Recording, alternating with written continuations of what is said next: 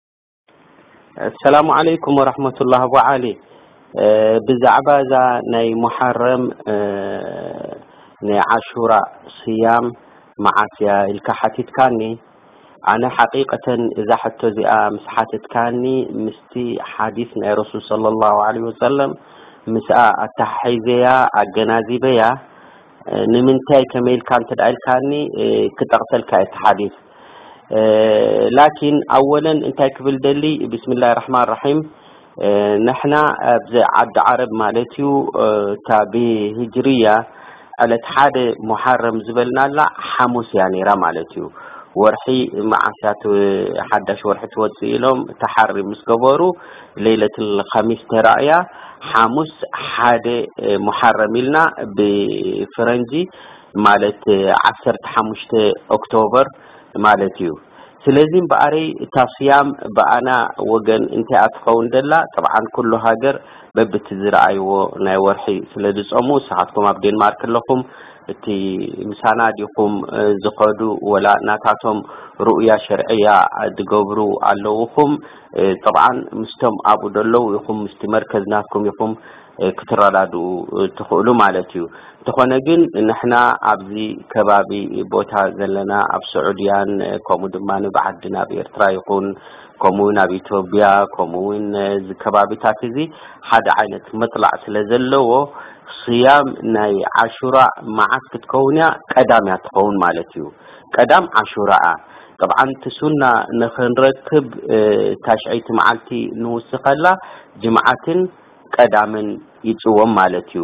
ብፍረንጂ ዕስራን ኣርባዕተን ኦክቶበር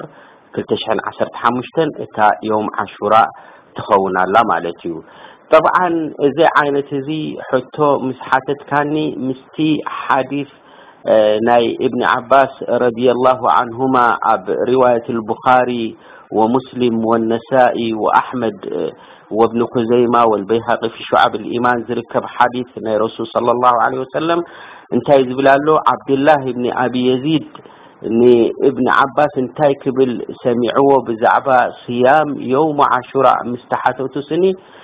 እንታይ ኢሎም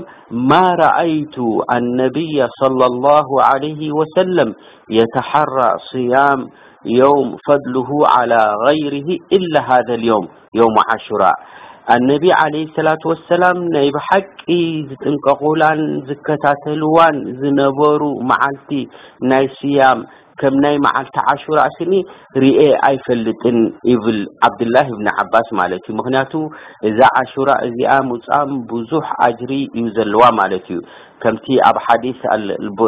ሓዲስ ኣብ ሳሒሕ ሙስሊም ወኣቡ ዳውድ ወትርሚዚ ወብኒ ማጃ ወኣሕመድ ወልበይሓቂ ዘሎ ማለት እዩ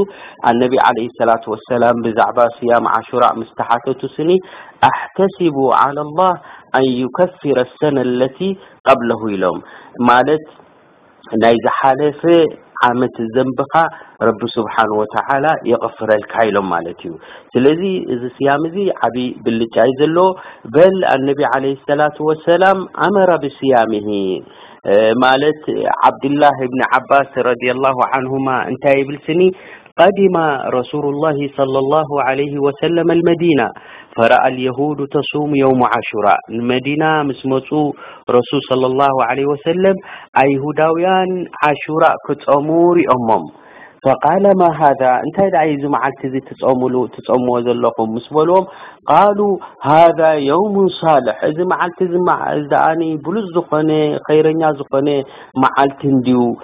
ነጀ ላሁ ፊህ ሙሳ ወበኒ እስራኢል ሚን ዓድውህም ኣላህ ስብሓን ወተዓላ ንሰይድና ሙሳ ዘድሓነሉ መዓልቲ ካብቲ ፀላኢኦምን ፀላኢ ረቢ ዝኾነን ፊርዖን ዘድሓነሉ መዓልቲ እንድዩ ኢሎሞም ፈቃል ኣነቢ ዓለይሂ ሰላቱ ወሰላም እንታይ ኢሎሞም ኣና ኣሓቁ ብሙሳ ሚንኩም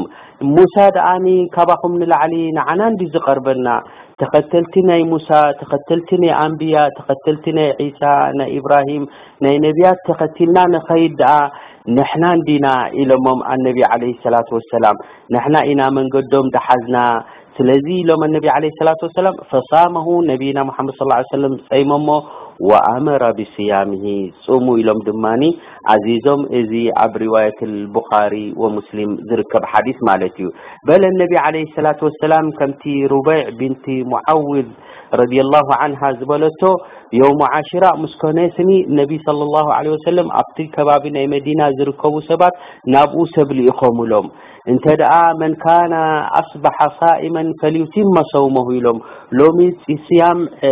ንያ ገይሩ ሰብ ጸይሙ ዘሎ ሰብ እንተ ደኣ ኣሎ ኮይኑ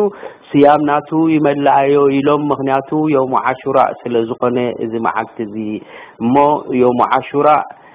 ዓብይ ኣጅርን ዓብይ ፈድልን ዘለዎ እዩ ወነቢ ዓለ ሰላት ወሰላም እንታይ ኢሎም ፈኢዛ ካነ ልዓሙ ልቃብል ኢሎም ንድመፅ ዘሎ ዓመት እንተ ደኣ ረቢ ዕምሪ ሂቡናሲ ኢሎም ኣነቢ ዓለ ሰላት ወሰላም ሱምና ኣልየውም ታስዕ ምስታ ዓሽረይቲ ስኒ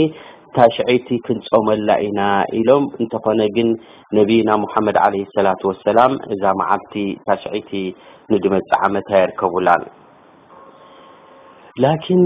እዚ ስያም እዚ ክንጾሞ እንከለና እዚ ናይ ዮም ዓሹራ ብሓደ ወገን ዓብዪ ፍናን ዓብዪ ተስፋ ዝህበና እዩ ምክንያቱ እዚ መዓልቲ እዚ እንታይ እዩ ደዘክር እቲ ጸላኢ ናይ ረቢ ዝኾነ መን ከማይ ዝብል ዝነበረ ትዕቢት ዝነበሮ ንሱ ኣብ ባሕሪ ዝጠለቐሉን እቶም ኣመንትን መንገዲ ረቢ ሒዞም ዝኸዱ ዝነበሩ ተወፂዖምን ተሸጊሮምን ዝነበሩ ድማ እዚ መዓልቲ እዚ ዝተሓጎሱሉን ንረቢ ስብሓን ወተዓላ ድማ ምስጋና ዝፀሙሉ መዓልቲ እዩ እወ ኣብ ብዙሕ ኣያት ናይ ቁርኣን ኣሎ ኣነላሃ ላ ያህዲ ልቀውመ ዛሊሚን ነቶም ዓመፀኛታት ዝኾኑ ረቢ ስብሓን ወተዓላ ናይ ጥፍኣት ስለ ዝመረፁ ናብ ቅኑዑ ናይ ሕብሮምን እዩ ወላሁ ላ ያህዲ ልቀውመ ልካፊሪን ንጥፍኣትን ንክሕደትን ዝመረፁ ሰባት እውን ረቢ እውን ንዖምን ናብ ቅኑዕ ኣይመርሖምን እዩ ወላሁ ላ ያህዲ ልቀውመ ልፋሲቂን ካብ መንገዲ ረቢ ካብ ጣዓ ናይ ረቢ ዝወፁ ሰባት ድማ እዚኣቶምን ረቢ ዓለሚን ኣይንደሊና ዝበሉ መንገዲ እውን ኣይውፍቆምን እዩ ብዙሕ ኣያት ኣሎ እና ላሃ ላ ያህዲ ከይደ ልካኢኒን ተንኮለኛታት ዝኾኑ ወፅዓ ናይ ህዝቢ ዝደልዩ ድውፅዑ ዝኾኑ ኩላ ግዜ ረቢ ስብሓን ወተዓላ ኣብ ኣዱንያ ይኹን ኣብ ኣኼራ እዚኣቶም ፈላሕን ዓወትን የብሎምን እሞ ከምዚ ሎሚ ንፆሞ ዘለና ናይ ዓሹራ ዓወት ዝረኸቡሉ ድሕሪ ክንደይ ስቅያትን ድሕሪ ክንደይ መከራን ጸገምን ሰይድና ሙሳ ምስ ህዝቦም ሎሚ ድማ ረቢ ስብሓን ወተዓላ ነቲ ተረኺቡ ዘሎ ወፅዓን ጸገማትን ድማ ንኩሉ ረብልዓለሚን ክቕንጥጠልናን ከምኡ ድማ ኩላትና ናብ ረቢ ስብሓን ወተዓላ ክንምለስን